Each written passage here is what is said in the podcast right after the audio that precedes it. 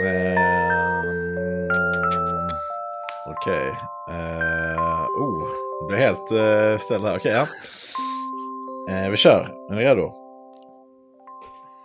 Hej och välkomna till Boktokiga, podcasten med tre bokfantaster som tävlar om hur många böcker vi kan läsa under ett år. Ja, visst. Välkomna! Avsnitt 14 också. Det, Ja. Jag önskar att jag, att jag kunde säga att det var en milstolpe, men det är nog svårt att få Avsnitt det till det. 15 är en milstolpe. 15 är mitt turnummer.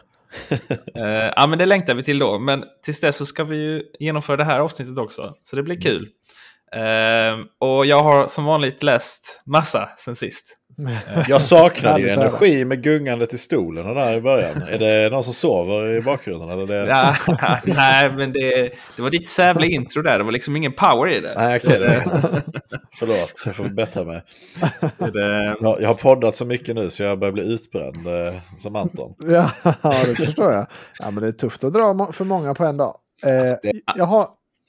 Jag säga? Anton är ju farligt nära att gå in i väggen. Alltså jag, Ja. har, jag inte varit så orolig för Anton sen jag lärde känna honom. Det, Ja, det, det, det är tufft med podd. Visst det är så. Men jag har faktiskt en nyhet idag innan vi ska börja med våra... Eh, vad, vi har, vad vi har läst. För jag såg nämligen en nyhet att det ska eh, släppas en ny Eragon-bok. Eh, och vi brukar ju inte dra så mycket news i den här podden. Men just Eragon ligger väldigt närmt till mitt hjärta. Eh, så det ser jag mycket fram emot. Är han 30 nu, han som skrev den? Han skrev den när han var 14 för mycket länge sedan. Ja, han är lite äldre än oss, men Ja. inte så hemskt mycket. Så det, han- det hade jag faktiskt ingen aning om. Sjukt. Jag har inte läst dem. Jag har sett första filmen. Kanske Det bara finns en. Det finns bara en, men det är en ny på gång. Eh, och den här boken ska handla om en karaktär som redan är med i de, ja, i de första fyra böckerna, vilket jag tycker är lite synd. Eh, jag hade gärna sett kanske någon annan era eller något annat, men ja, jag, jag går gärna tillbaka till lite Eragon. Jag, jag är inte säker på att de har åldrats jättebra, de böckerna. Jag läste Har han ung. eh, gjort, alltså har han skrivit några andra böcker eller det är bara dem? Han har skrivit en sci-fi-bok förra året som var väldigt omtyckt. To Sleep in a Sea of Stars. Men den var 900 sidor lång, så jag har inte... Jag ville jättegärna läsa den, men det kändes lite väl ambitiöst Okej. att ta den. Spännande. Ja, men det ser vi fram emot att du täcker den för, bloggen, äh, för, podden då. Eh, Ja, det ska jag göra. Den ska komma i slutet av året, eh, är det sagt. Så det ska bli kul.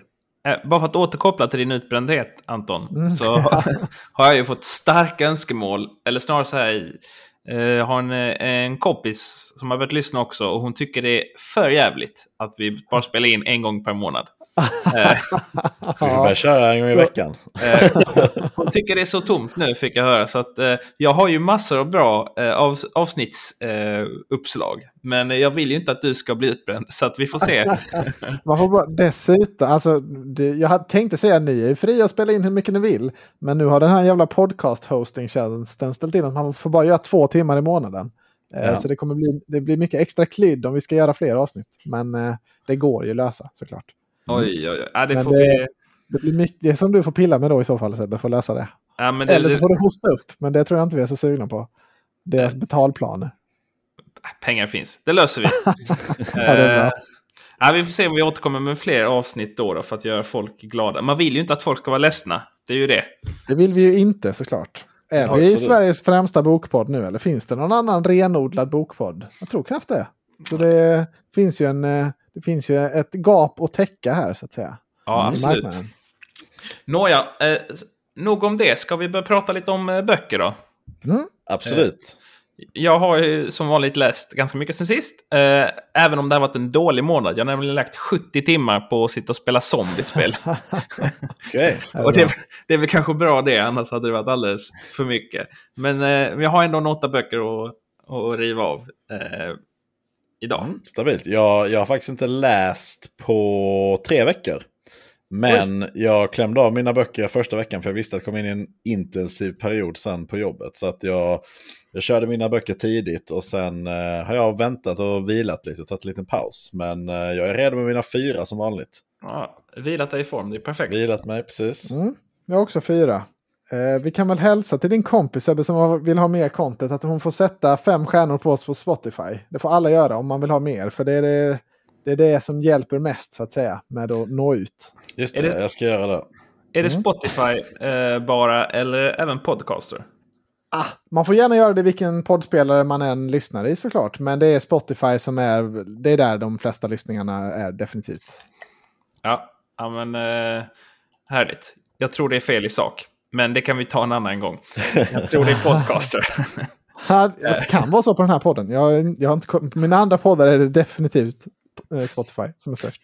Okej. Eh, Eh, Okej. Vi bojkottar idag. ja, det är det fan Spotify, inte. Det är Apple. Podcast. Ja. Ge oss en recension där då istället. Ja, eh, Sjukt. Det är många bokälskare på iTunes då tydligen. ja, Sjukt. så är det. Ja. Jag, visste det där. Jag försökte stoppa dig när du började ljuga för våra lyssnare, men jag hann inte. Ge oss en review var ni än lyssnar. Det, det blir vi jätteglada för. Fint. Ja, men då så. Låt oss sätta igång. Ska jag börja med att bränna av eh, ett par stycken? Ja, ta dina tre Eh. Hamilton först. Ja. Ja. jag har faktiskt bara två Hamilton. Ja. Men, men jag, jag kan börja där. Jag har läst eh, nummer nio som heter eh, I hennes majestäts tjänst och nummer tio som är En medborgare höjd över varje misstanke. Och eh, det finns två till, men egentligen så var nummer tio den sista boken. Sen Okej. så var det ett tio års mellanrum till nästa då som heter Madame Terror tror jag. Och sen Mm. den sista är en, Inte utan min dotter. Och dit har jag inte, inte kommit än för att de är 25 timmar långa. Eh, Mm. Oj, oj, oj. Mm. Eh, Så det har ändå tagit lite tid och nu börjar det närma sig allsvensk premiär så också så att det finns mycket poddar och annat man ska lyssna på. Så att jag har fått nedprioritera Hamilton. Men två stycken har jag eh, lyssnat på. Och den första då i Hennes Majestäts tjänst, som man nästan hör på namnet, så är ju England involverad här då. Drottningen behöver lite hjälp. Man har fått slut på en rysk operation som riktar sig mot anställda i försvarsindustrin som så att säga att de självmördas. Eh, De mördas då av ryska agenter och sen framställs det som självmord. Mm. Och då måste ju såklart Hamilton och hans boys hjälpa till. Ehm, så det handlar den boken om.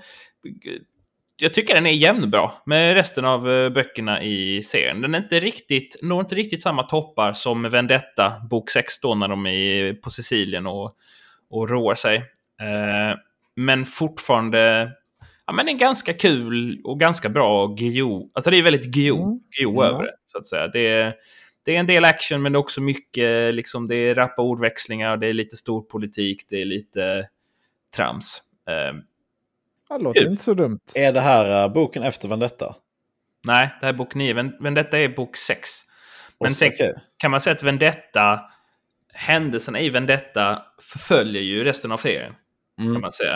Eh, för att man, kan- som ni kanske misstänker så sicilianerna är väl inte jättenöjda med utgången där. Så att eh, sicilianerna är ju med liksom på ett hörn egentligen i alla böcker fram till bok Mm. 10. Okej. Mhm. Eh, och sen så bok 10 som då heter En medborgare höjd över varje misstanke. Skulle då som jag förstod det egentligen vara den sista i serien. Och det är ganska tydligt. Man får ett slut där. Som hade Mm. kunnat vara ett slut. Men eh, jag vet inte om det var så att Guillou...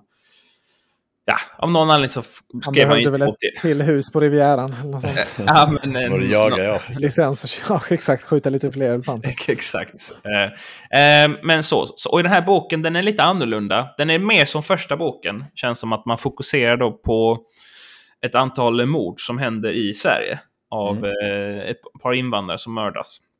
Och då följer man ganska mycket eh, poliskommissarie Rune. Jag vet inte om han heter Jansson eller vad fan han heter. Som är då Norrköpings polis.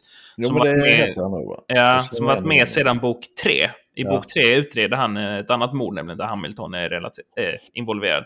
Mm. Och, och han, sen har han varit med par olika böcker. Och nu är han då eh, poliskommissarie på Riksmordskommissionen och utreder de här olika brotten och får lite hjälp av Hamilton. Och i den här boken så har Hamilton också blivit eh, generaldirektör på aphuset, det vill säga Säpo. Mm. Så att det är Ja. li, en, inte lika mycket storpolitik, lite mer så fokus kan man säga på Hamiltons... Eh, han har haft lite motgångar och eh, fokus då på den här mer mord, mordutredningen. Mm. Också Var ganska det ett bra intressant. slut då, liksom på serien? Om det hade varit slut här, hade du varit nöjd då? Eller känner du att är det tur att det finns mer?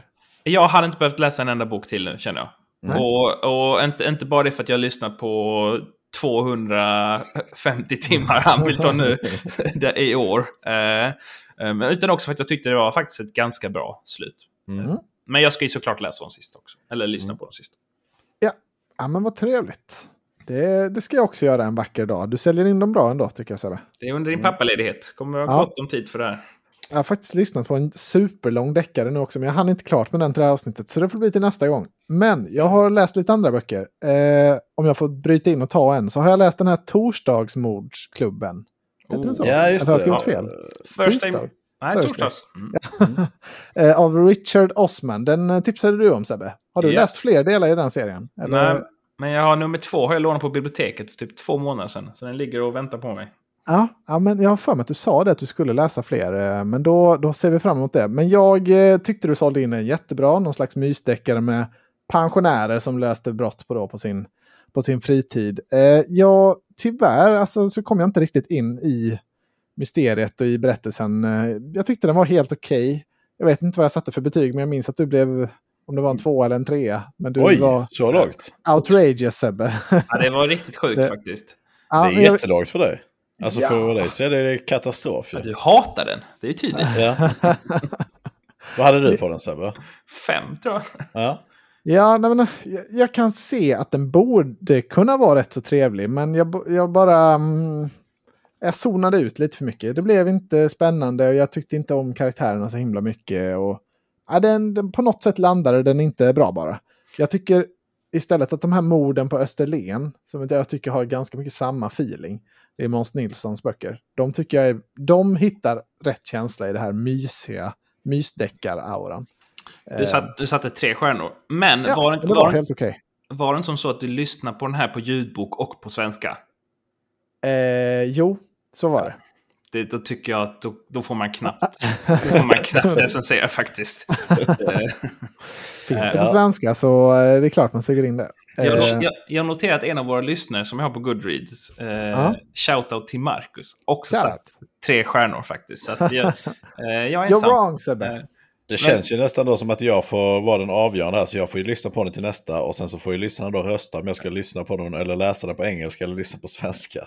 jag, jag kan säga en annan av våra lyssnare som jag också har på Goodreads har satt fem stjärnor. Eh, Ja. Shoutout till Aj. Frida. Så att Ja. det, Du det får slänga upp en poll på Facebook Sebbe. Ja, Ja. jag ska göra det. Ja. Eh, Nej, men det, det var ändå ett bra tips tyckte jag. Men det var nog, det var nog mer a me thing än a you thing tror jag. Att jag inte Mm. riktigt kom in i den här. Ja, synd. Ja, Eh. så kan det vara. Så Men- kan det vara. Det om det. There's no accounting for taste som man säger. Det, Ja, men då hoppar jag väl in och jag har ju som vanligt ett tema vad jag har lä- lyssnat eller läst. Vi spekulerar, jag, när jag Sebbe träffades senast spekulerade vi vad det kunde vara för tema. Inte vad jag hade för gissningar då. Gruvtema trodde jag. Du skulle ha läst en bok Ja, om, om litium och en bok om stål. Vad Ja. Anton då? Nej, jag hade ingen kul idé, det, tyvärr. Men vad har du att bjuda på? Jag har fastnat i sportbiografier. Oj, jaha. Mhm. Och eh, vi börjar med min första, första då och den eh, heter, eh, jag ska bara väl- välja vilken jag ska ta av dem. Nej, men eh, Undisputed Truth, Mike Tysons biografi, eh, skriven tillsammans med Larry Slowman som också har skrivit eh, eh, Anthony Cadys eh, biografi från Red Hot Chili Peppers. Mm. Det här är en klassisk sportbiografi. Det handlar om Mike Tyson, hans uppväxt i Brooklyn i fattigdomen. Och hur han eh, var utsatt liksom som barn och har trasiga familjeförhållanden, eh, mobbad, eh, inte mådde särskilt bra och sen hittade boxningen som blev liksom hans eh, sätt att eh, skina. Och sen hur eh, liksom den fick honom att bli älskad samtidigt som han sen liksom blev hatad. Alltså, den följer hela hans karriär. Jag tror den spelas i 30 år totalt. Och eh, hans uppgång och fall då. Eh, från att eh, stå på liksom, alla visste vem han var, alla ville ha en del av honom. Men också hur utnyttjad han blev samtidigt som när han då eh, förlorade och blev eh, dömd till fängelse. Tappade liksom allting. Eh, och sen, ja, den följer liksom den biten där. Och det är en klassisk Ja. sportbiografi. Eh, jag, jag funderade mycket på det att alltså, Mike Tyson är en sån person som man vet väldigt mycket om. Alla vet hur Mike Tyson är av någon anledning. Liksom. Och jag, jag funderar liksom så här, var har man... Var har man egentligen fått all, information? För jag, jag, jag, liksom, så länge jag minns så har man vetat vem Mike Tyson var liksom, när man gick på typ lågstadiet. Jo, men det var ju för han bet ju av någons öra. Det är ju det Jo, som är grejen. ja men det är lite så typ. Och sen så har det bara växt att liksom myten om Mike Tyson har ju funnits där hela tiden. Sen har han varit med lite i filmer och, och sånt. Men han har ju mer varit typ en meme eller typ ett skämt. Eh, hela tiden. Så att har man inte... Ja. Han känns ju som en av de tio mest kända liksom, sportnamnen någonsin. Jag vet inte om det är så, men för mig känns det... Alltså, det, det jo, men lite så. så. Men han, han, var ju liksom ansiktet utåt för boxning eh, väldigt länge då ju på den tiden. Så jag kan ju tänka mig att det var mycket när vi fast, växte upp. Fast var han det? Muhammad Ali måste väl vara mycket större? Jo, det var han ju, men det är den eran tänker jag. För Muhammad Ali eh, var ju inte aktiv liksom när Mike Tyson kom. Utan Muhammad Ali var ju lite så eh, liksom den bästa någonsin och liksom hade ju jättemycket med, med sin, eh, allting runt omkring boxningen också. Men sen så när han slutade kändes det liksom som att det inte fanns någonting riktigt med boxningen. Och sen kom Mike Tyson och han var liksom thrilling. Eh, Iron Mike slogs hårdare än någon annan. Eh, han var show samtidigt som han var med i massa skandaler så han fick mycket publicitet. Och sen mm. lyfte han liksom boxningen igen och sen Mike Tyson försvann så känns det som att boxningen har liksom tappat lite det är inte så många som kollar på boxning längre och sånt. Eh, och det har ju kommit några namn och sånt. Jag har ju faktiskt följt boxning en del de senaste 15 åren, 10-15 åren. Eh, sett stormatcher och sånt. Men det känns som att sporten hade en stor uppsving när Mike Tyson var där. Och det pratade mycket om i boken, liksom, att eh, när det var eh, Mike Tyson i Vegas, det var liksom alla kameror, alla stjärnor och sånt där och tittade och det var den, den största grejen. Och sen hur han då blev utelämnad när allt faller.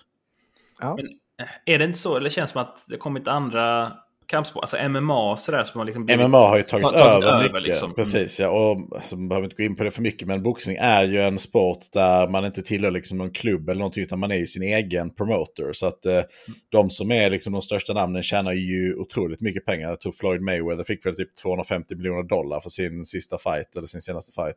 Eh, mm. Och, eh, men du måste liksom promota allting själv. Medan i MMA tjänar mycket mindre. Men att ligan är den som alltså, säga, eh, promotar och hostar och sätter upp galor och sånt. Så det blir ju lite det här att eh, i, i sport så är det väldigt mycket reklamintäkter och, och, klubbar som tjänar väldigt mycket pengar på alla. Men i boxningen så är det liksom allt eller inget. Mm.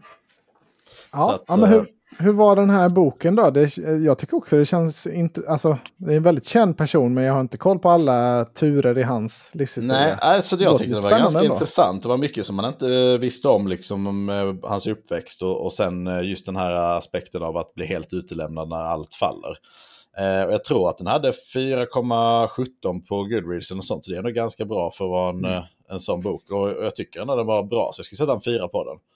Mm. så intressant och spännande. Kul. Mm. Boxning är en sån grej som jag verkligen inte har koll på. Jag, man har koll på Mike Tyson och Muhammad Ali. Och sen som min tredje boxare som jag har koll på det är Butterbean.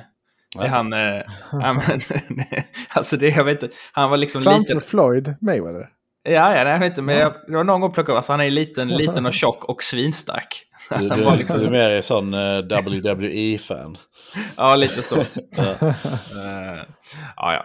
Uh, ja, men kul. Då ser vi fram emot att höra de andra sport... ja. sportböckerna sen då. Mm. Mm.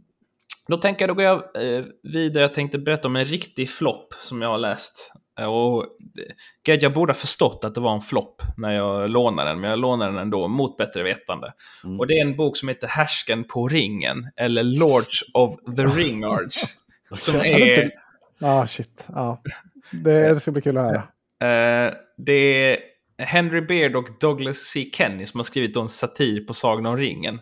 Och man kan egentligen sammanfatta hela trilogin då på typ 250 sidor av flams och trams.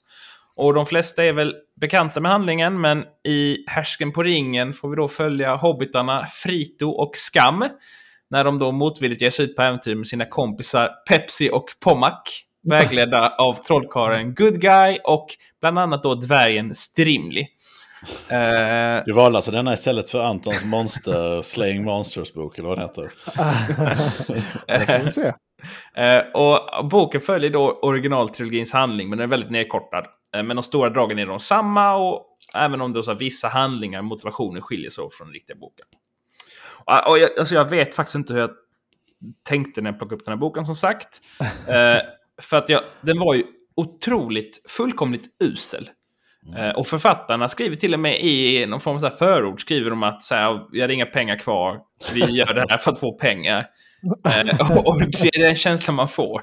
För att det är liksom på ett väldigt, alltså inte särskilt elegant sätt har de ju, det är total renomméslintning på originalverken. Ja. Eh, och sen så har de bara skrivit en massa absurda och inte ro, särskilt roliga twister då på originalet. och men det här är en komedi och antalet skratt under hela boken, som Ja. man, det tänker jag man får ju eh, bedöma en komedi på det. Mm. Det var farligt nära noll. Det kan ha varit att jag fnissade någon gång liksom när någon fick klamydia eller liksom så här sjuka grejer liksom. Ja. Eh, men alltså jag höll på att sluta läsa flera gånger. Eh, den gav mig absolut ingenting. Så det är en, en stark icke-rekommendation. Så om, om, om det är någon där ute som har funderat på att plocka upp härsken på ringen, så gör det inte.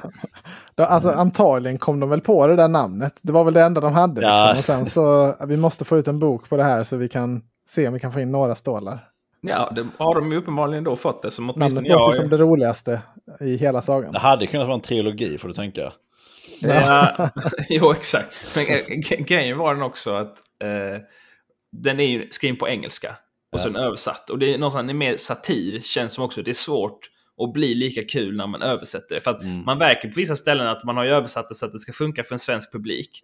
Och då har, ju, har man antagligen haft ett ganska uselt liksom, eh, originalverk. Men Då menar jag inte Sagan om ringen, utan liksom originalverket på satiren. Och sen så ska man ha då ytterligare ett liksom led av någon då som ska översätta det här och sen försöka göra det kul i ett svensk kontext. Så det kan ju misslyckas på så många olika nivåer. Liksom. Eh, nej, otroligt uselt. Var Tom Bombadil med? Ja, det var han. Han var någon så här typ eh, neddrogad eh, snubbe som hoppade omkring i skogen.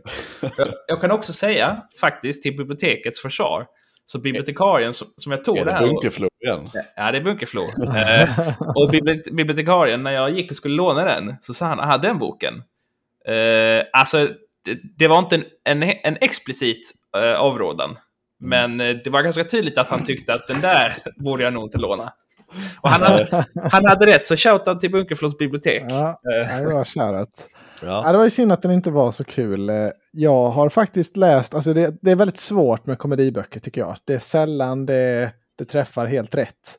Och, och så på, på sin höjd, om det är väldigt roligt så kanske det får ett litet leende, kanske något litet fniss emellanåt.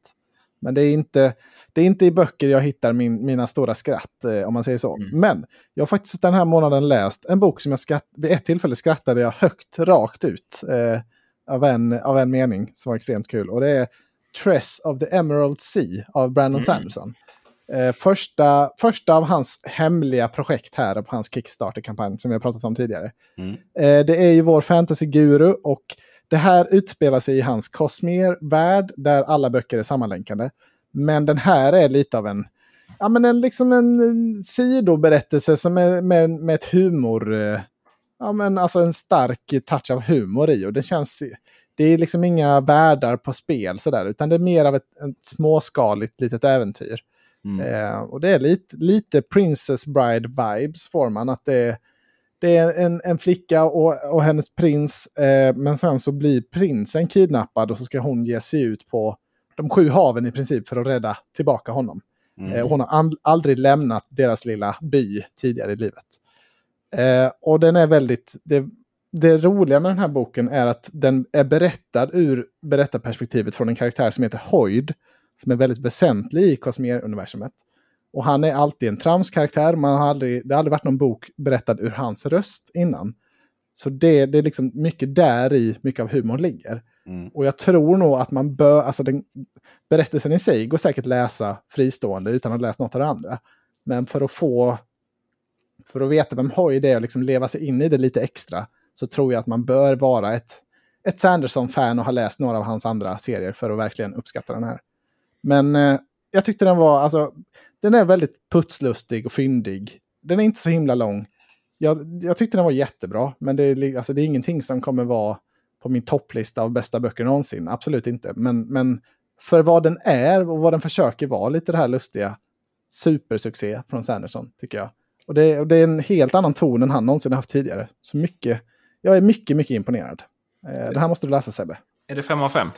Det är definitivt 5 av 5 ja. Och det här skrattet rakt ut, alltså ja, det, jag vet inte, det har inte hänt många gånger i böcker tidigare. Så det var, ja, jag ska se, om, det ska bli kul att se om du gillar den, eh, den dialoglinen också. Det kommer jag säkert att göra. Ah, han, är, han är ju fantastisk, vår fina Brandon. Det, ja. Ja, han, han är ju det va. Eh, jag vet inte hur man ska sälja, alltså man bör ju börja på Mistborn-böckerna. Eh, vi har väl snackat om det tidigare, men jag tycker alla bör läsa Mistborn-trilogin.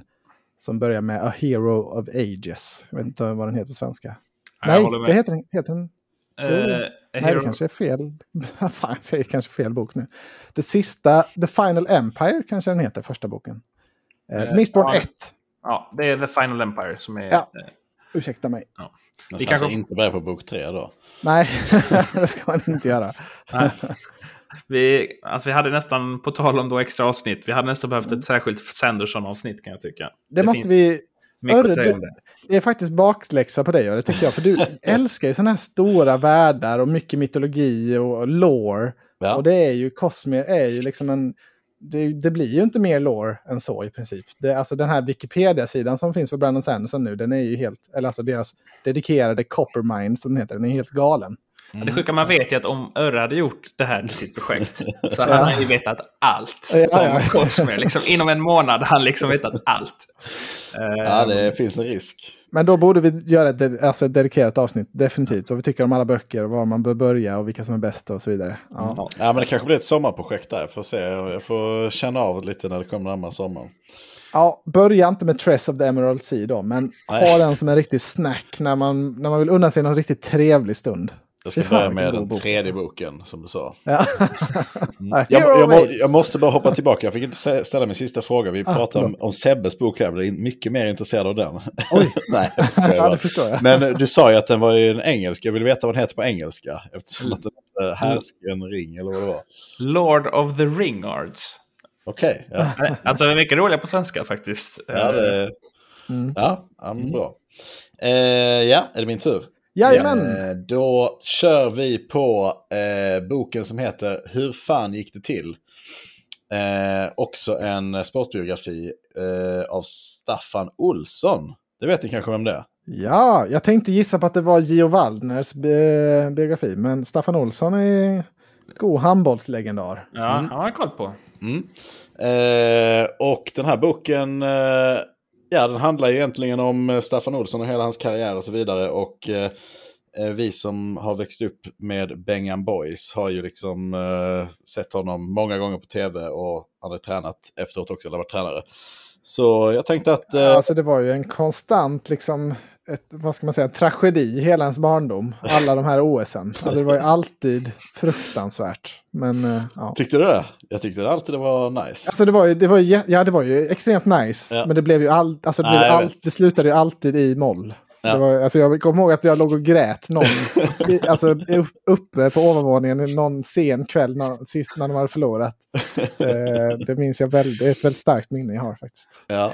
Fyra OS-silver säger jag. Precis. Ja, är fyra. OS-silver. Det är är ganska möjligt? stark bragd ändå. Men det, det liksom gick inte hela vägen. Men, nej. nej, men den här boken börjar ju då med eh, honom när han är ung och eh, spelar handboll och fotboll och liksom sånt. Han är en, eh, en typisk sportkille som har det väldigt tufft i skolan och som har eh, ADHD, pratar mycket om det och att han eh, inte passar in i skolan och sånt. Men att på idrottsarenorna, det var där han kunde liksom briljera och sånt. Och sen följer man hans resa från att bli då ungdoms, eh, liksom välja då handbollen, ungdomsspelare och sen gå vidare då med handbollskarriären i Sverige och sen i Tyskland. Eh, så det är ganska så straight forward berättelsen om vad som hände och vad som hände mellan matcherna och vilka eh, känslor som var mellan de olika grejerna och skador och mycket sånt liksom när han eh, inte visste om han skulle kunna spela. Det var en final som han inte spelade, som han var skadad tror jag. Mhm. Eh, och ja, det, det, man får följa liksom hans eh, berättelse kan man säga. Och håret också får man förklaring på eh, eh, där också. Att han, det var, han sa att eh, när han skulle börja i landslaget, han skulle få sin första landslagsplats. För att han spelade i ett, i ett lag i Stockholm med sånt eh, där alla valde att odla ut håret. Så alla hade långt hår typ och det var deras style. Så att alla hade det i, i laget. Och sen när han kom till landslaget så sa de till honom att eh, du kan inte vara med i landslaget om du har en sån där frisyr, du måste klippa dig. Så ville han inte klippa sig, så han gick till frisören och så sa han, kan ni klippa av en centimeter av håret? Och så klippte han sig en centimeter, och sen kom han tillbaka till när de skulle spela och sa, jag har klippt mig. eh, och sen så var det så här, bestämde han sig för att han inte skulle klippa sig, att det var hans identitet hela, hela Ja, karriären. det är jävligt bra branding, måste man ju säga. Ja, alltså, han det. stack ju ut. Det, Jo men som- absolut. Mm, man minns ju Eh, extremt tydligt. Ja, Nej, och sen så var det mycket fokus då på klubbkarriären i Tyskland.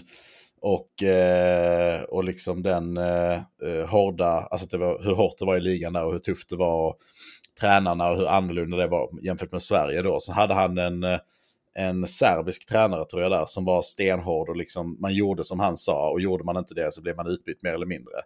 Eh, samtidigt som man sa att Bengan då hade liksom du fick göra lite som du ville och han var mer en så här typ coach som peppade och, och var så här typ en fadersfigur. Medan då när han var i ligan i Tyskland så var det så här du gör som jag säger och vi är inte vänner liksom utan jag är din tränare och jag bestämmer allt. Eh, Så två olika coacher, han gillade båda två och liksom jämförde mycket där också. Eh, jag lyssnade på den här boken. Den eh, är skriven av en författare som heter Filip de Giorgio. Och i den här eh, boken så är Staffan Olsson med också. Så att eh, det, Mm. de har liksom lagt upp det lite som en intervju. Eh, att eh, han berättar vissa delar och sen så eh, fortsätter han att skriva berättelsen och sen kommer han in och berättar och så vidare. Mm. Och alltså det var, det var väldigt dålig svenska i boken, måste jag säga. Det var... Man märkte att han inte hade varit så stark i skolan. Eh, Okej. eh, men eh, äh, spännande historia, ingenting som stack ut jättemycket. Jag skulle sätta tre på den. Ja, vad gör han nu då? Är, han, eller är det någon spoiler? Eller Nej, men han är, jag tror fortfarande att han är tränare. I, Ja. Jag tror han, är, han var tränare i Hammarby i alla fall. Och sen så, ja, han pratar lite om det faktiskt i, i boken att Eh, efter han var färdig med karriären så blev han ju ganska snabbt tränare. Och sen tog han ju över landslaget ett tag också. Så han var ju landslagsförbundskapten. Eh, eh, men han kände liksom att det var så mycket hat mot alla de som var i Bengan Boys. För att det var många i handbollsvärlden som tyckte att de fick en sån eh, gräddfil och att de fick massa jobb och fördelar bara för att de var kändisar, liksom att de hade varit med på den tiden. Så att han kände att han har gjort mycket meriter som han är stolt över och som han tycker var bra. Men han tycker, tyckte inte riktigt att han fick credit nog och kände liksom att äh, det här... Eh, så jag, han var i Hammarby sen, nu vet jag faktiskt inte riktigt vad, eh, vad han gör om han sitter med i något förbund eller någon styrelse eller något sånt. Men han är fortfarande kvar inom handbollens värld. Ja, Staffan, om du lyssnar, hör av dig och berätta vad du gör nu för tiden. Ja, gör det. Ja, får jag gärna göra. Ja, det, var, ett- ja, det var ett lag av legender. Verkligen. Mm. Det, Ja. det finns inte många lag som har så, har många, så många starka profiler. Vilken Nej. är, vilken är er favorit från den tiden? Min var den flygande köttbullen. Ja. Ja, det är väl den som kommer närmast till hans. Vad har vi mer? Wislander och... Jag gillar han den blonda och han heter han Johan... eh, Johan... Eh, ja. en Jag tänkte säga Johan Wissman, men det är han, eller, Ja. han var också blond. Men Han gjorde i alla fall... Han Johan Pettersson. ord. Johan ja, Pettersson hette han va? ja, det kanske han gjorde. Ja, det, Ja. var, det fanns många guldkorn i alla fall. Vem var det som gjorde gurkburk? Eller var det alla som gjorde det? Jag har aldrig riktigt fattat vad det var. Det var Bengan. Vad var Bengan? Det var Bengans, uh, Bengans taktik, liksom. Hur man skulle rot alltså, rotera ut med laget. Det var ju ett, ett spel, liksom. Eller en play calling. Ja, Mm. Härligt. Eh, Okej, ska vi gå vidare? Yes. Då har jag läst en ehm, bok med det mycket korta och koncisa titelnamnet Brott. Av Ja. eh, advokat Ferdinand von Schirach. Mm. Eh, Mysigt. Och han är en yrkesverksam brottmålsadvokat, praktiserar- i Tyskland.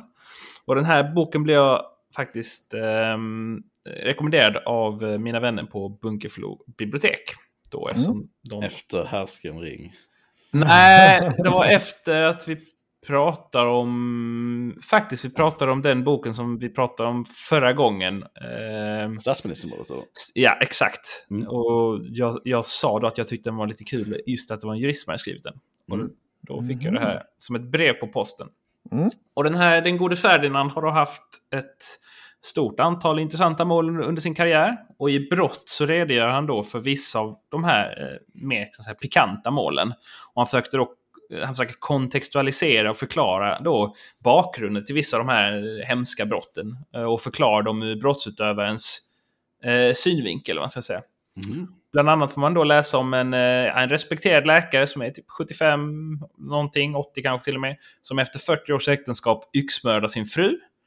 Eh, och då får man då veta, jaha, vad, vad fick honom att göra det liksom? Ehm, och boken består då av ett antal korthistorier där författarens då eget perspektiv och upplevelse är delar av boken.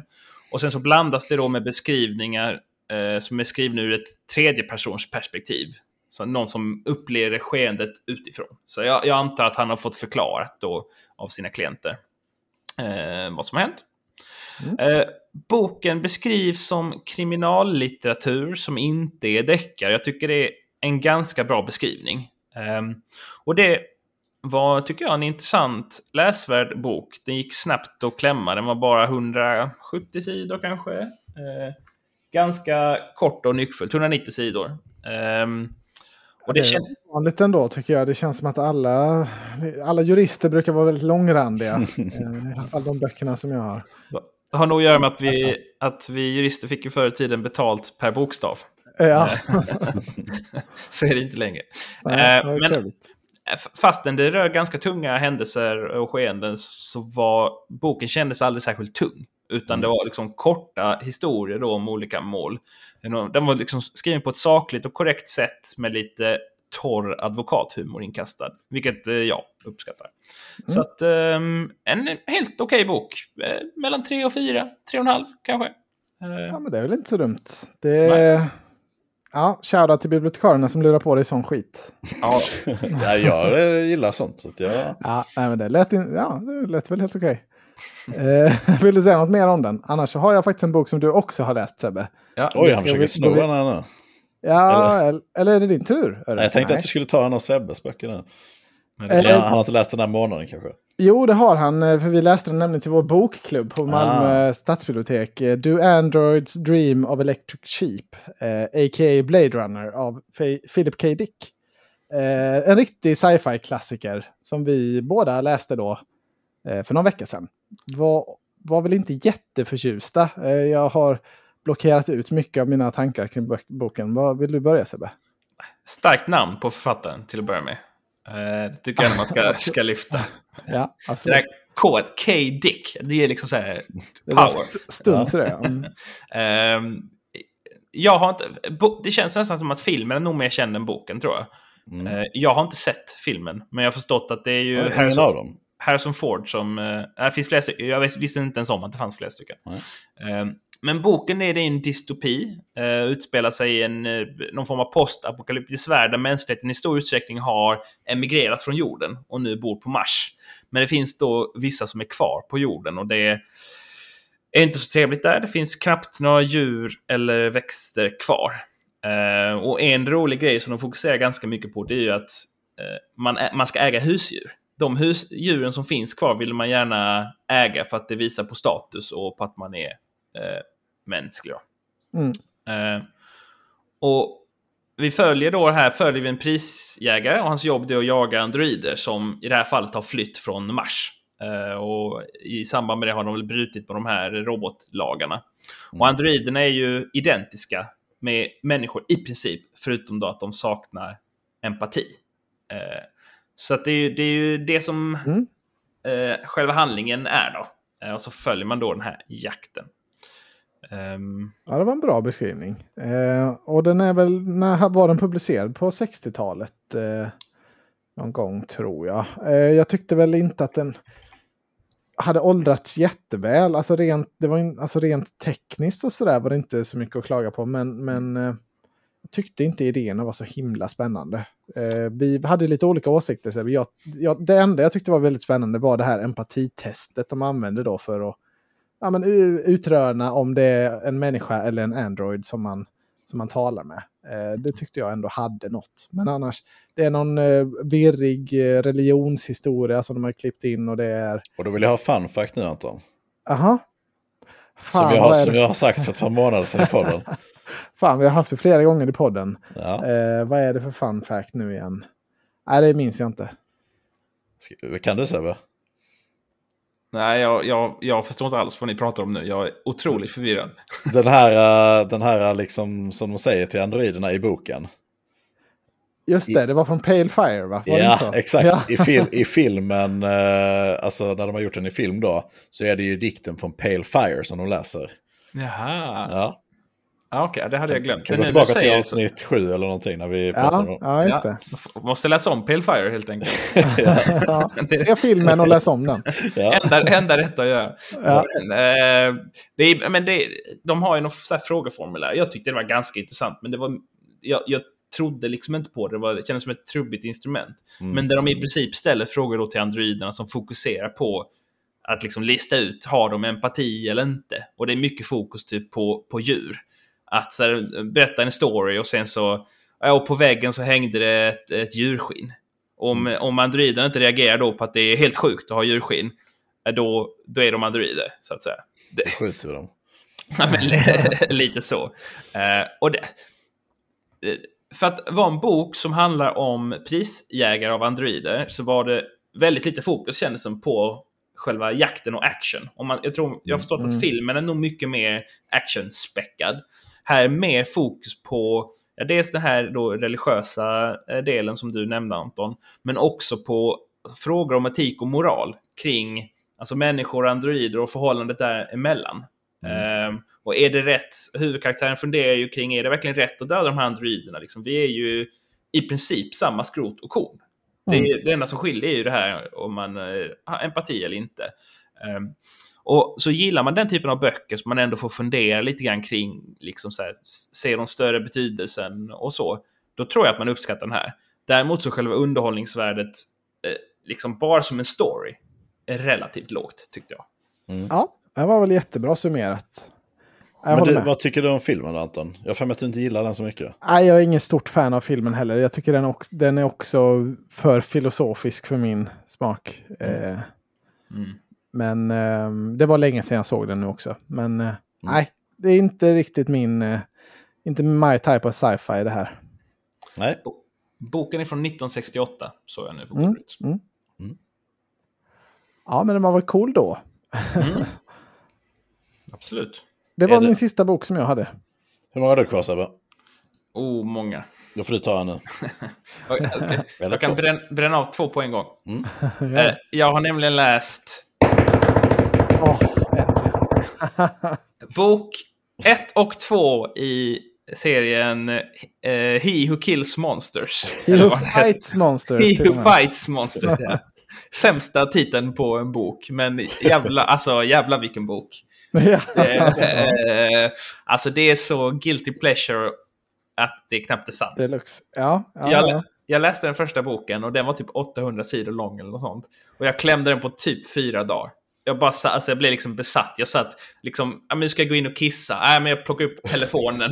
Så hinner jag läsa en mobilsida under tiden jag kissar liksom. Och, eh, ja, men det är verkligen helt liksom... Det finns, det finns inget kämpigt med att läsa. Alltså det är bara läsglädje i de här Ja, böckerna. det var verkligen liksom enkelt flow och sådär. Det är nästan så att jag liksom blev orolig för att gör jag mitt jobb som förälder nu? Eh, när jag, liksom, Noah satt och typ så här, petade på el ett tag medan jag läste liksom. Nej, men eh, alltså de var båda två böckerna skitkul. Ehm, och jag tänker vi kan bara b- gå in lite grann på första boken igen. Jag minns inte mycket du berättade om den Anton. Jag har att du var ganska kortfattad. Men, men egentligen så är det, alltså, det är ju som... Du, du sa någonting till men det känns som att han har fuskat. Och jag kan Mm. förstå vad du menar med det. För att eh, i eh, första boken så börjar egentligen med att det är då en, en australiensare som på något sätt har liksom blivit teleporterad till en annan dimension. Så han vaknar upp naken i mitten av en labyrint och fattar liksom inte alls var han är. Och, och, och det är liksom som när man börjar spela ett nytt spel, så här ett MMORPG, typ World of Warcraft. Man börjar och man är liksom, han är level 1. Han har inga grejer, han har liksom knappt ingen kunskap, han, han fattar inte var han är. Och sen så bara liksom råkar han då ta sig fram och bli liksom attackerad av kannibaler och sen så träffar han lite ett annat gäng och så, så bara lär man sig om den här liksom magiska spelvärlden som bygger på spelkoncept helt och hållet. Alltså det är till, Ja. och med, till och med så att det finns liksom en map eller party in- interface och han får quest och sådär. Så det är liksom lite konstigt, men det funkar otroligt bra. Och sen så lär han sig då, går han upp i level, och, eller, eller typ, och han, han lär sig abilities och han, det liksom finns något, känns som att det finns något random i det liksom. Eh, Ja, det finns ju också en hyfsat bra förklaring också till varför liksom, eh, ja, det är så mycket som ett tv-spel. Jag Ja. tyckte ändå liksom, ja, men det var rimligt, bra gjort Mm. av författaren ändå. Hur, hur de förklarar detta i, i världen. Nej, men jag håller med, men det som är ju... Just alltså, det blir... Han eh, dödar ett monster och sen så lootar han och det är kul för då har man det här, okej vad hittar han nu? Och så är det lite Ja. spännande och så hittar han någon sjuk grej och så, ja vad gör den? Och sen så 300 sidor senare så helt plötsligt har han då nytta av den här grejen. Eh, och så går han upp i level och så får han liksom en ability och sen så får han en särskild spec. Han blir liksom en så här specialist på någonting. Och det är liksom bara, ja. Det blandas sen ihop med liksom eh, ganska i huvudsak liksom bekymmersfria liksom polare och som är mäktiga och han eh, går på uppdrag och ja, det, det är lite grann som att läsa ett World of Warcraft-spel liksom. Mm. Ja, Eh, men det var väl mm, exakt Vad är det så han jag heter när han skrivit boken? Shirtaloon. Turtaloon, just det. Eh, och, och tvåan är eh, samma sak egentligen.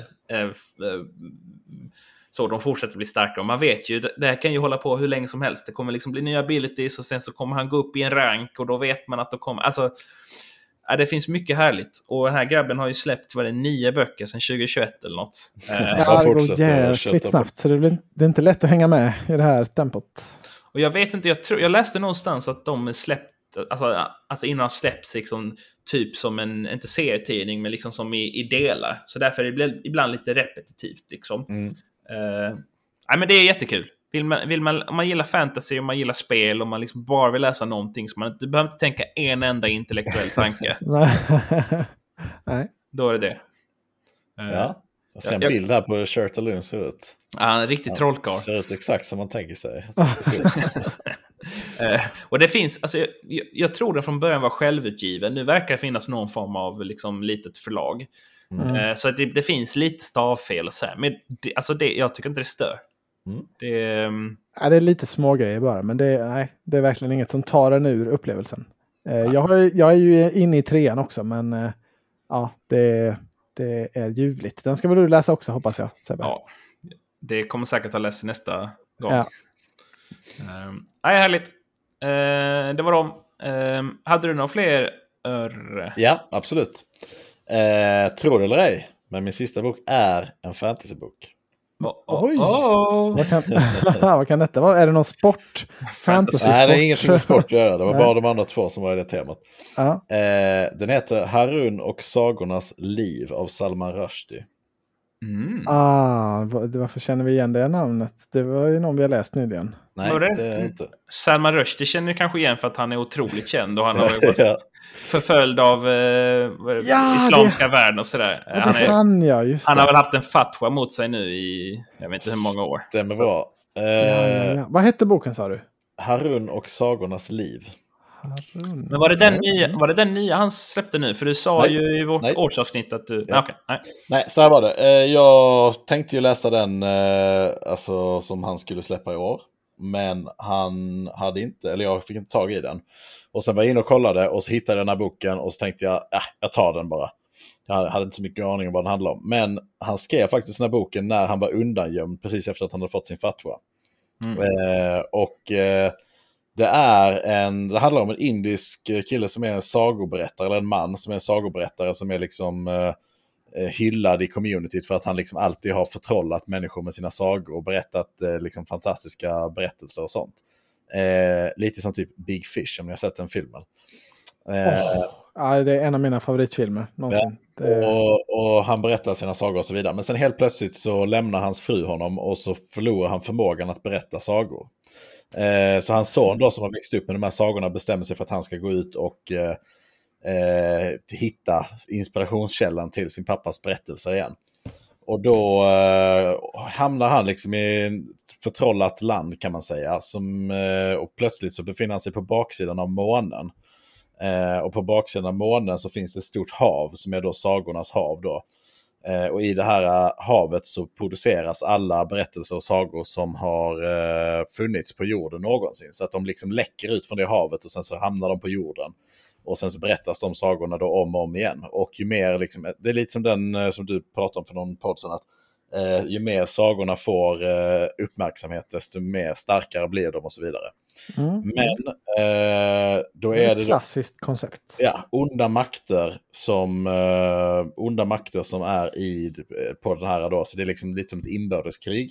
Där då monster försöker att blockera den här källan till sagor till jorden och eh, skapa antisagor också som försöker döda de gamla berättelserna.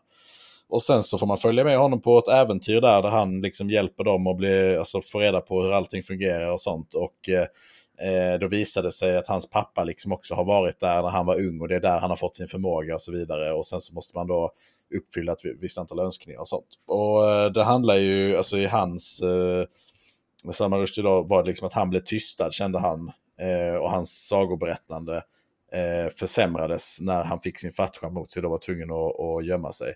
Så att eh, det var då han kom på den här idén då. Ganska kort bok. Eh, jag är inte jättestort fan av fantasy så det var väl inte en toppbok för mig liksom. Eh, ganska märklig, eh, påminner lite om Big Fish skulle jag säga. Men eh, tre av fem. Ja, mm. det, man får ju en feeling över att det inte kommer vara det mest liksom, spännande man har läst. Mm. Eh, Men jag, ska, jag är sugen på att läsa Satansverserna också, den boken han fick Fatwan för.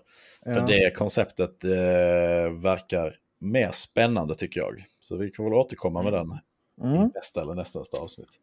Alltså, när jag tänker på fantasy så är inte Salman Rushdie den första personen som liksom dyker upp Nej. i huvudet. Men jag har ju aldrig läst något av honom. Ja. Så att det, det, mm, det får man nästan testa. Mm. Kanske ska jag köra den nästa Satansversen också till nästa. Ja, jag har faktiskt valt den. Nej, jag skojar. Spoiler! Oh. Döda den. Ja. Eh, ja, men det börjar väl bli dags för val snart har väl några till? Har du Eh, fler Sebbe? nej, alltså jag, jag har faktiskt tagit min åtta. Ja. Eh, men jag, jag har en som jag vill nämna. Mm. Men det är lite, lite speciell. För att nu, eh, i och med Noah så har det blivit att jag börjat eh, låna hem en del barnböcker. Mm. Och det är ju en liten konstig eh, genre, vad man ska säga, som jag kanske inte i Mm. huvudsak uppskattar. Särskilt inte böckerna för ettåringar är ju så här, eh, knacka på, hoppa, hoppa hund. Alltså det är så här.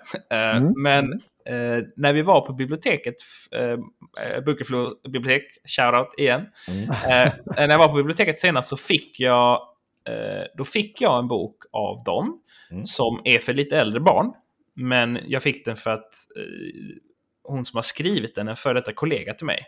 Och det är då Lisa Hyder och så Per Gustafsson. Jag vet inte om de har skrivit det tillsammans, verkar som.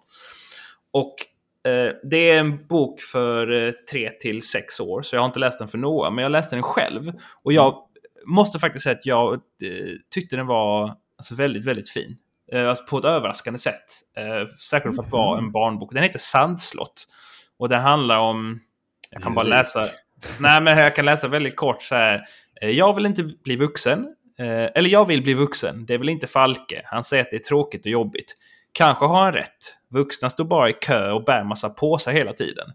Men jag vill ändå bli vuxen och tycka om kaffe, läsa tjocka böcker och bo i ett slott som inte är gjorda av sand. Jag vill verkligen bli vuxen en dag. Och så finns det en faktiskt förvånansvärt stark berättelse i den som jag blev eh, ganska tagen när jag läste den. Så jag vill ändå, även om det här inte är en barnbokspodd, så vill jag ändå nämna den. Jag tyckte den var väldigt eh, fin och välskriven. Ja, häftigt. det, ja, nej, men det är väl kul. Då får du läsa den, du får spara den och läsa den för Noah då om några år. Ja, precis. Eh, Jag får väl göra det när han förstår lite mer. Så tills dess får det bli titta på! Hitta på. Man kanske skulle läsa ett par sådana här böcker som man kommer ikapp dig Sebbe. Det är, det så här. Nu har knäckt koden här, 32 sidor ser jag. Ja, finns, det, finns den på Goodreads? Nej, jag hittar Nej. den på bok, Ja. bokus.com. Jag får Ja. börja lägga till alla böckerna jag läser också på jobbet. Aha, för, nej, jag, det, här, det här är inget jag kommer lägga till på Goodreads. Ja, Men ändå honorable mention eller vad man ska säga. Mm.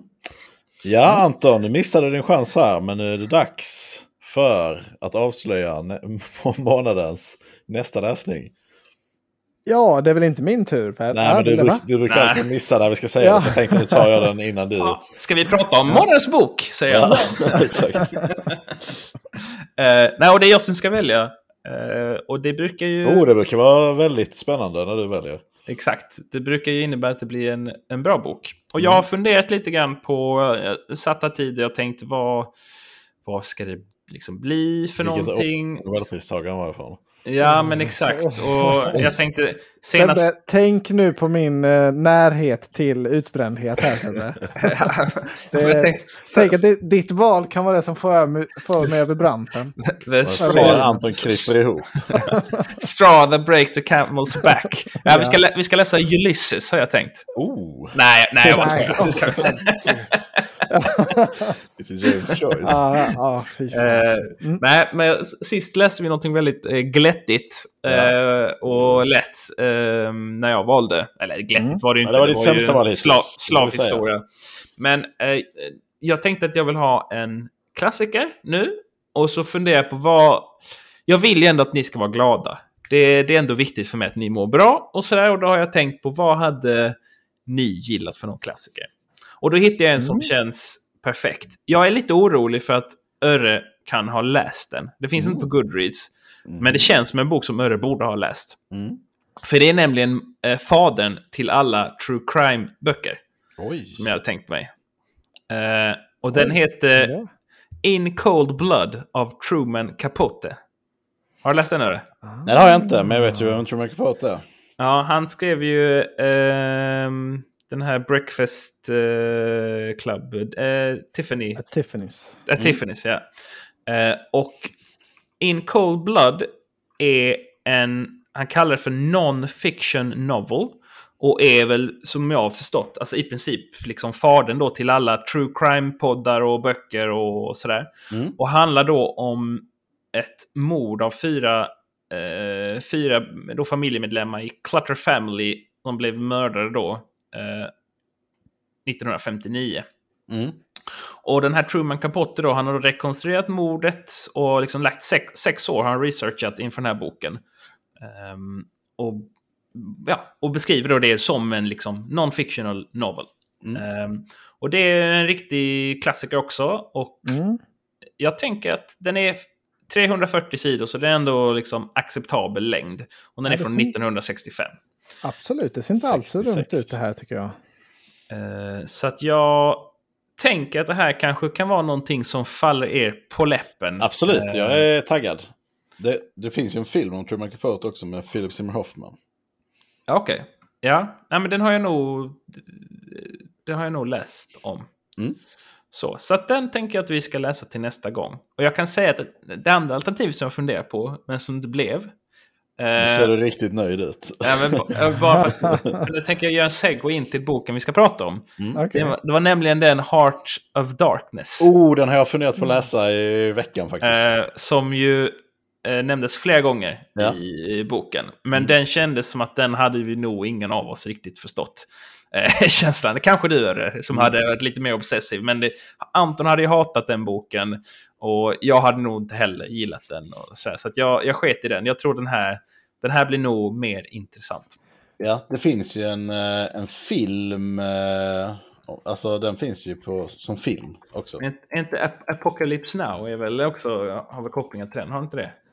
Eh, det är möjligt ja. Men eh, Heart of Darkness finns som film eh, som jag tror att jag har sett.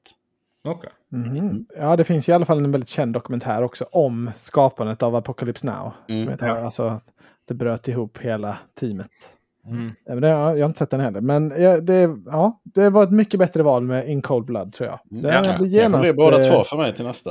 Ja, men, men bra, så att, bara så ni vet vad jag valde mellan och att Mm. jag gjorde, gjorde då Anton en tjänst för att jag inte vill att han ska gå in i väggen.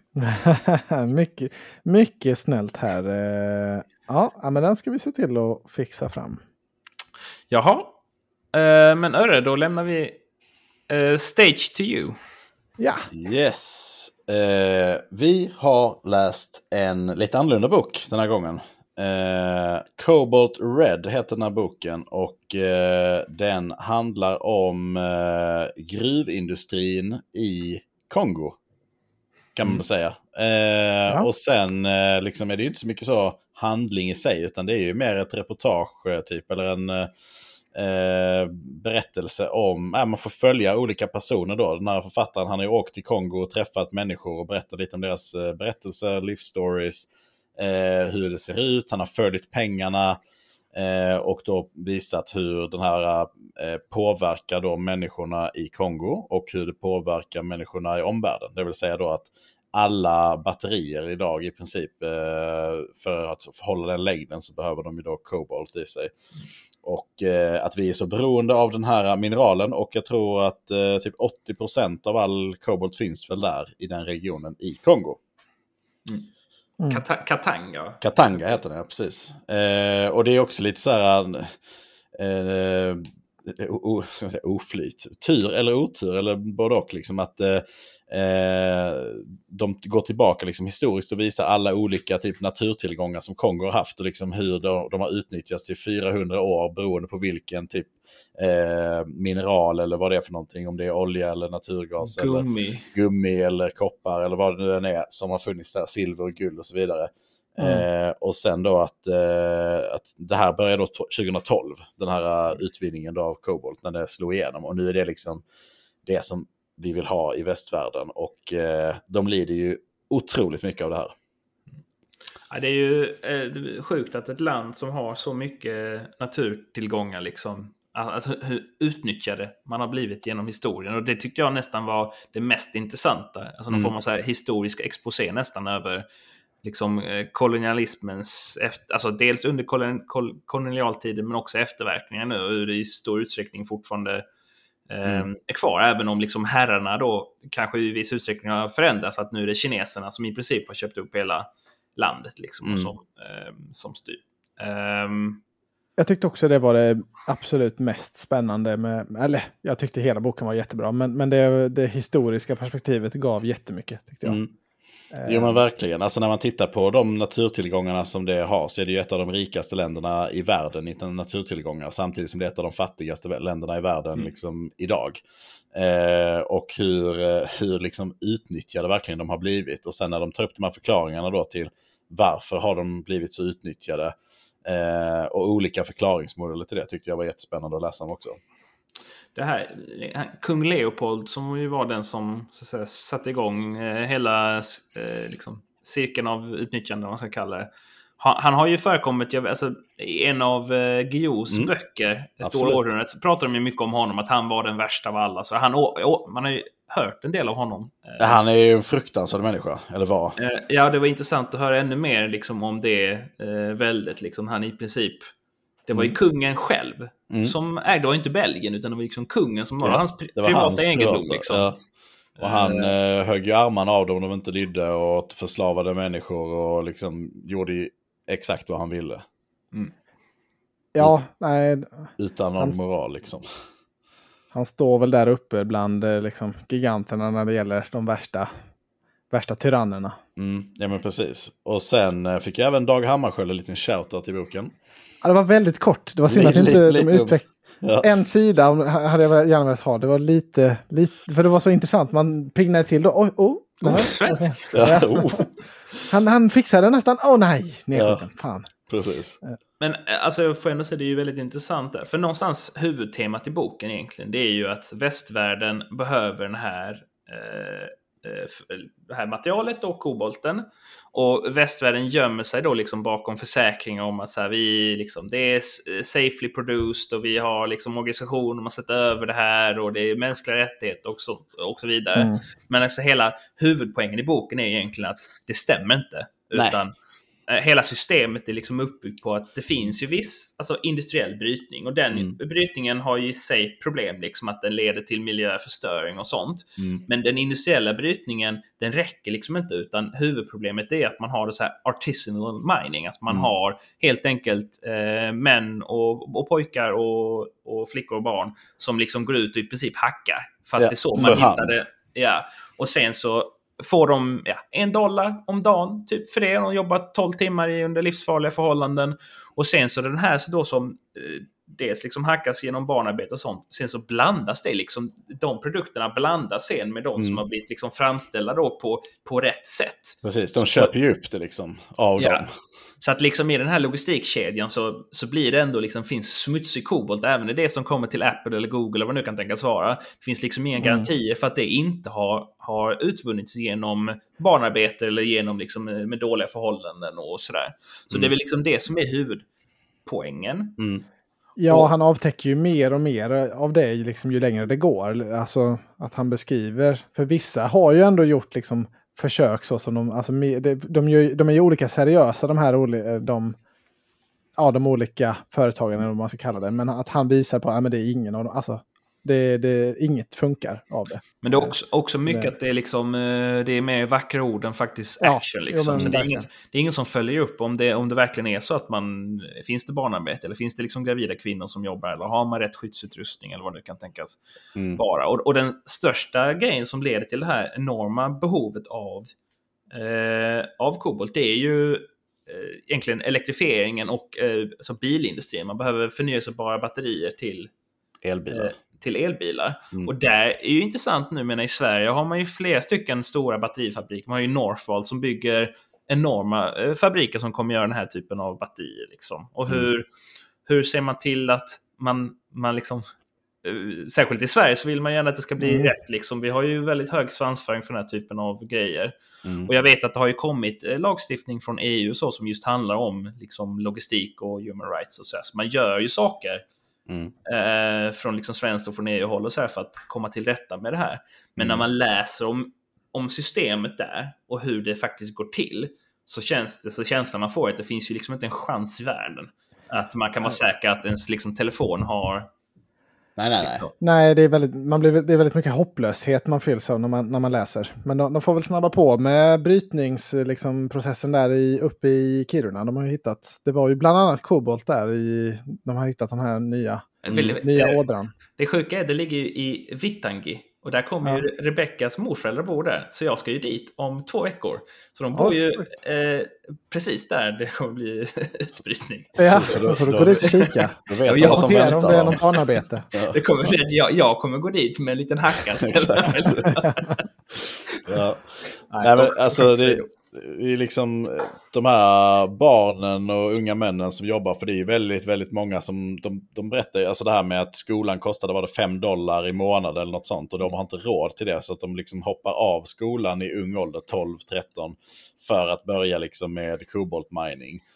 Eh, och att det är liksom en dollar om dagen och hur många som dör. Liksom. Jättemånga blir skadade, de rasar ihop, det finns ingen säkerhet och så vidare. Mm. Och sen å andra sidan, den andra då, liksom, att när de börjar göra det som en industri istället så blir det ju liksom att alla blir sjuka, de förstör all naturen runt omkring och sånt. Så det är inte, mm. det är pest eller kolera verkligen. Det är ju liksom så här, det finns inget sätt som känns tryggt och säkert och så. Fast, det, fast jag förstår nog i och för sig Alltså det som förstör miljön, det är väl inte nödvändigtvis själva utvinningen. Det är väl när man sen förädlar det, ja, tänker jag. Ja. För jag menar, om man tänker när det industriella, själva brytningen, de har mm. liksom stora grävskopor och sånt. Problemet med det var väl att man Alltså, det blir liksom inte så fint. Alltså, om, om, man, om man går ut och bygger tunnlar och sånt så kan man hitta de här fina bitarna och det är liksom hög, mm. hö, hög procent kobolt och sånt. Medans Max bara... 10 procent får du inte glömma.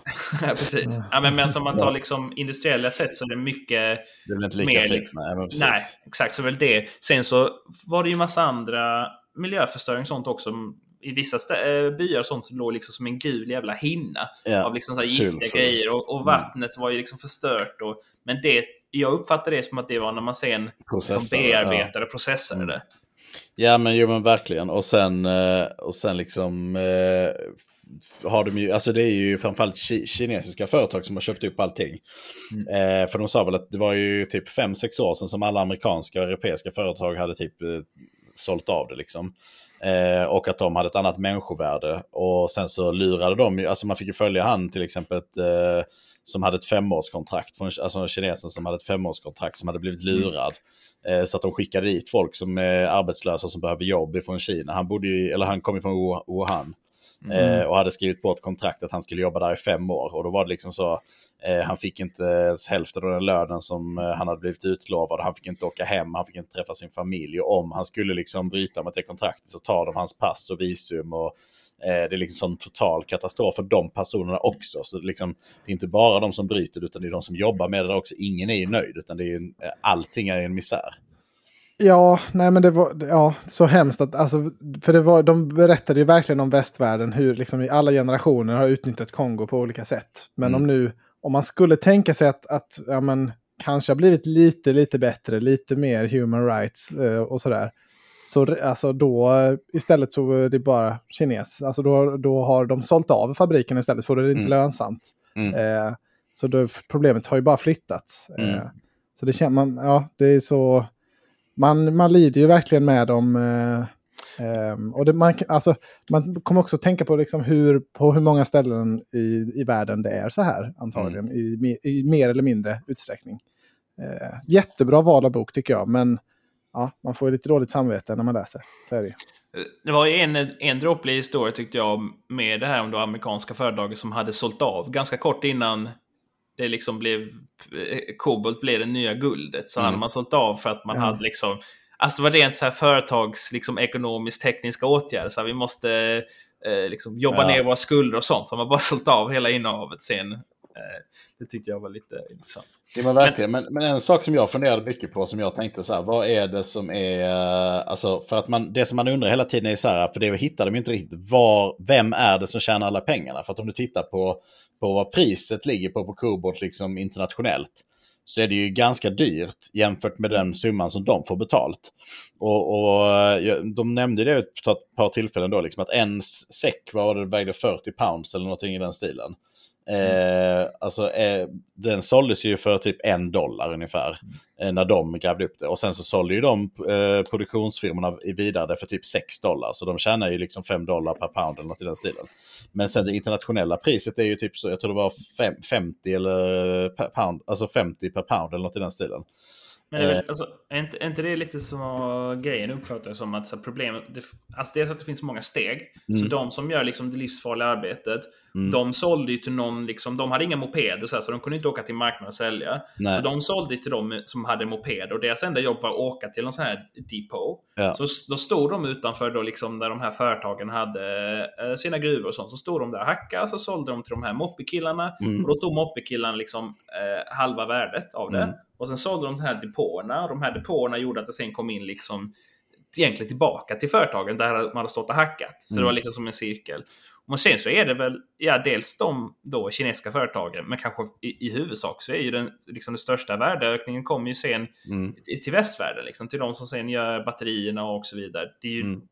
alltså, det är ju, och det är ju det som är så sjukt också, att här har vi liksom, liksom blodet till hela den nya liksom, ekonomin Mm. Eh, det som behövs och liksom helt nödvändigt. Och så finns det då allra längst ner i kedjan så finns det barn och, och liksom människor som, som dör och ja. får en dollar om dagen. Och, ju... han var inne lite på det, hur liten andel som hade behövt trickla down bara för att det skulle bli jättemycket bättre. Alltså hur... Ja, yeah. det, att det är verkligen inga stora summor som behövs bara för att de ska kunna gå i skolan och sådär. Mm. Nej, och men det var ju en kille som var liksom så här, ja men jag, eh, typ så, jag flyttade, liksom, jag bodde inte här, jag flyttade hit för att det var så bra pengar i det här. Liksom. Man tjänar så mycket mm. pengar så jag ska ju bara göra det här ett tag och sen spara undan och sen starta min butik och sånt. Och då kan man liksom ändå tänka så här att om folk flyttar dit från andra ställen i regionen för att tjäna en dollar om dagen. Eh, så säger det ju ganska mycket också om, om förhållandena som ligger runt omkring. Eh, och sen eh, det här också med att eh, just att mycket av västvärlden liksom sätter ju sina, alltså pengarna på att eh, miljöräddningen är liksom att vi måste ha eh, batterierna. Batterierna är liksom det som ska rädda vår miljö samtidigt som man bara förstör miljön totalt där nere i den regionen. Mm. Mm. Mm, och det är väl de, han peggade upp lite för den alltså, eventuellt kommande maktkampen lite. Det var ju vissa i Kongo där som hoppades på att västvärlden skulle göra en, en comeback då liksom för att lite gå i... Ja, men att inte Kina ska få ha kontroll över hela marknaden. Nej, längta vissa... tillbaka till det gamla. Ja, och hade förhoppning på att det skulle potentiellt kunna bli lite bättre. Mm. Eh, men det, det, liksom, det har man ingen aning om. Men det är ett problem också, för menar, de diskuterar vems, liksom, liksom, vems fel är det här? Och de mm. skyller mycket mm. på kineserna. Mm. Men det är ju också, kommer ni fram till, också liksom Kongos fel och, och, och, och samhället och politikerna mm. där som är ju extrema kleptomaner och liksom, mm. det är mycket korruption och så här. Man får ju ändå, alltså staten tjänar ju ganska mycket pengar på ja. Alltså ger dem kon koncessioner liksom till att bryta och skatt och sådär. Mm. Men inga av de pengarna når ju ner till befolkningen. Nej, och att det var så nice att, att göra affärer för att man kunde muta.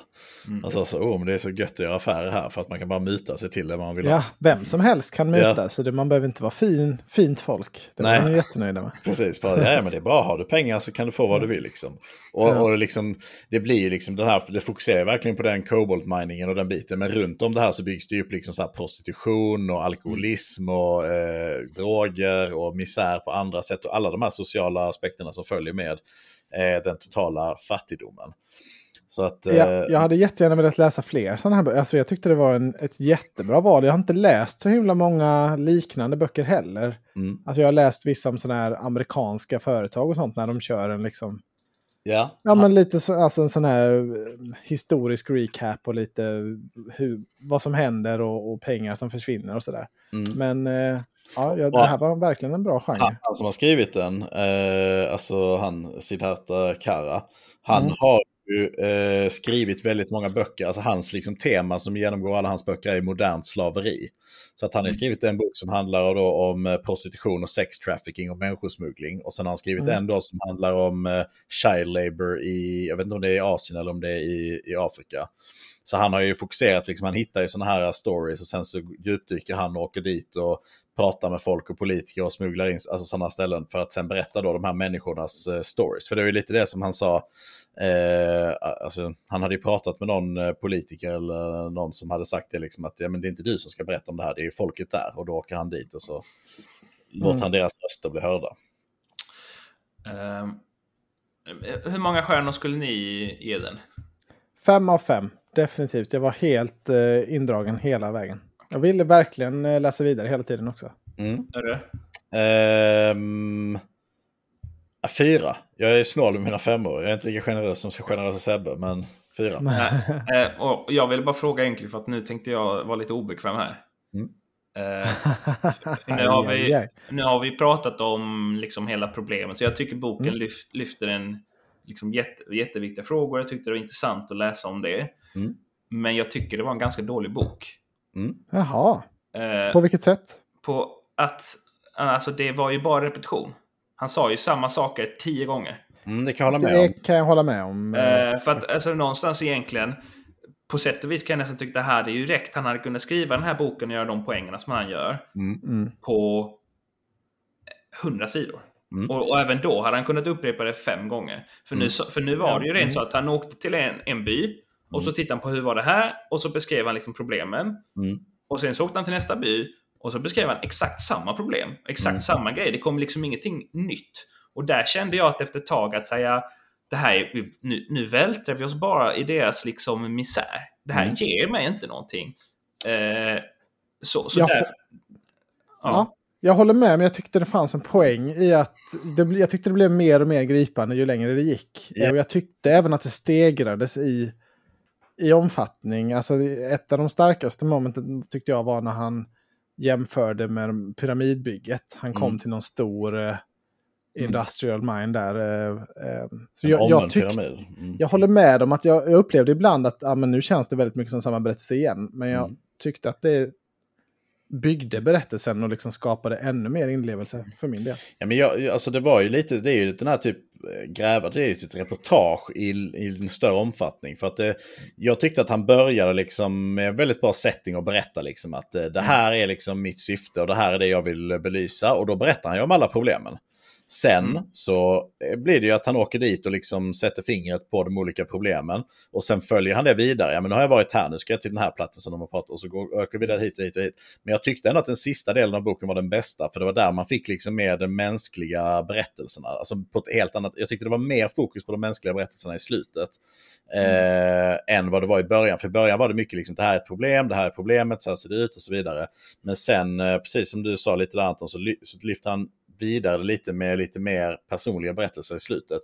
Eh, men precis som du säger, det är rätt mycket upprepning. Så jag kände lite så, hur ska vi angripa den här boken när vi ska prata om den? För att det är egentligen bara så här, det är ju fakta, så här är det.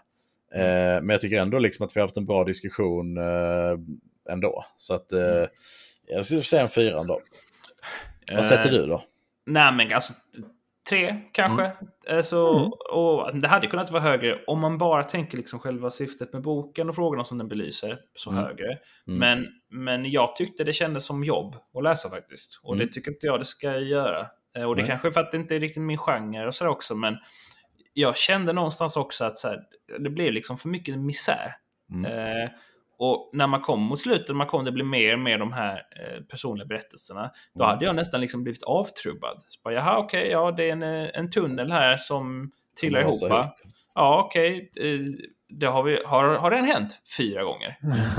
Eh, ja, jag, jag, och- jag, jag tappade den nästan. Alltså jag var, tyckte verkligen det var gripande på slutet. Det var Ja. nästan liksom tårläge för min del, kände jag. Mm. Så för Ja. mig, jag liksom föll verkligen inte av det. Men jag kan, bara, åh, 15 personer till som dog. ja, men jag kan, jag kan verkligen se, för jag, Nej, men- när du säger det så minns jag också att det var jättemycket samma sak egentligen. Mm. Men Nej, alltså Ja. när, när jag väl kom dit så kände jag nog att så här, jag har redan förstått liksom, Mm. det här. Och att en person till berättar samma sak.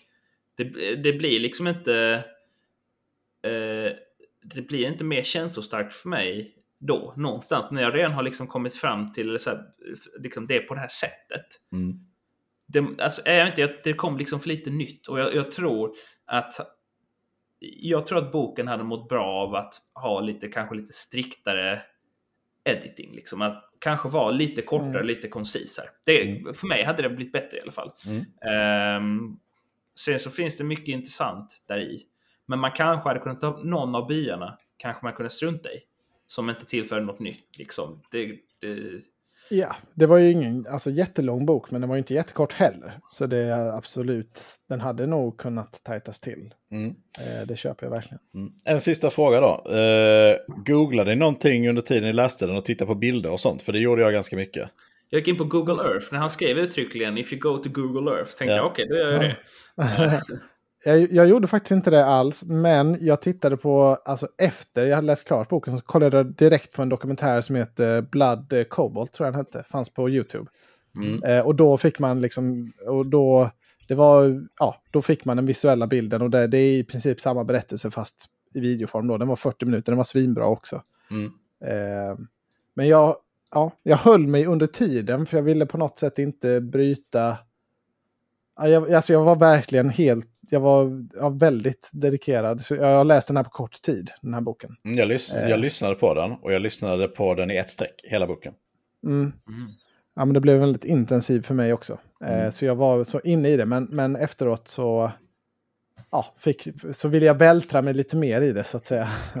Ja, Mm. härligt. Jag, kan säga, jag gick ju direkt från He Who Fights Monsters till det här. Eh, Inte optimalt kanske. eh, Nej, men eh, jag skickade lite bilder till det. För jag direkt när de började liksom skriva och beskriva och sånt här, de här hålen och sånt, så började jag googla.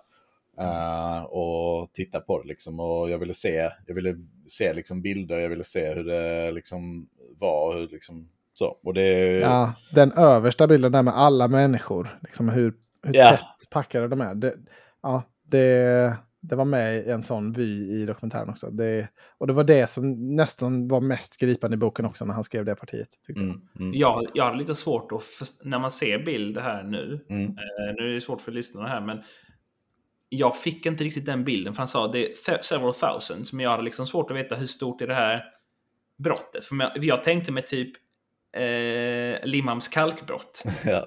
Hade man tryckt in tusen pers där, då hade man haft många kvadratmeter på sig. Men det här är ju Mm. helt sjukt, så man tittar där. Ja, jag hade nog lite svårt att... Och jag tror kanske också att det är liksom lite grann en så här försvarsmekanism. Att jag ville Mm. nog inte heller riktigt...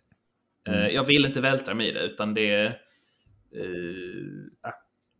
Men, men bra val av bok. Jag hade nog inte plockat upp den själv annars. Mm. Eh, min enda invändning är att jag tror att det kan ha varit svårt för eh, våra kära lyssnare att kanske få tag på boken. Mm. Eh, den fanns inte på biblioteket och sådär. Så det är väl min enda invändning mot Mm. valet som sådant. Mm. Eh, Ja, den är ju helt ny. ja, Den var väldigt fresh ja. Mm. och det är ju i sig, det är ju pluspoäng i sig. Så att det är en svår avvägning där. Ja. Nej, men eh, jag tror att vi är rätt så nöjda där på dagens podd. Mm. Mm. Jag tycker alltså eh, också man kan väl avsluta med att för jag blev väldigt så här, fick jättedåligt samvete och, och lite som i Ukraina-kriget också kände direkt, ja men hur kan man skänka pengar, vad kan man göra? Jag kan inte sluta köpa en iPhone, det är liksom, så långt är jag inte beredd att gå. Nej. Men, men jag, tyck, jag har kollat mycket på det här, jag tycker Läkare Utan Gränser verkar ha det mest vettiga inriktat mot det här då med, med Cobalt Mining. Eh, jag tycker inte det var så hemskt mycket, alltså det är många som har Kongo och det, det är säkert det är väl jättebra, liksom, vad man än skänker till.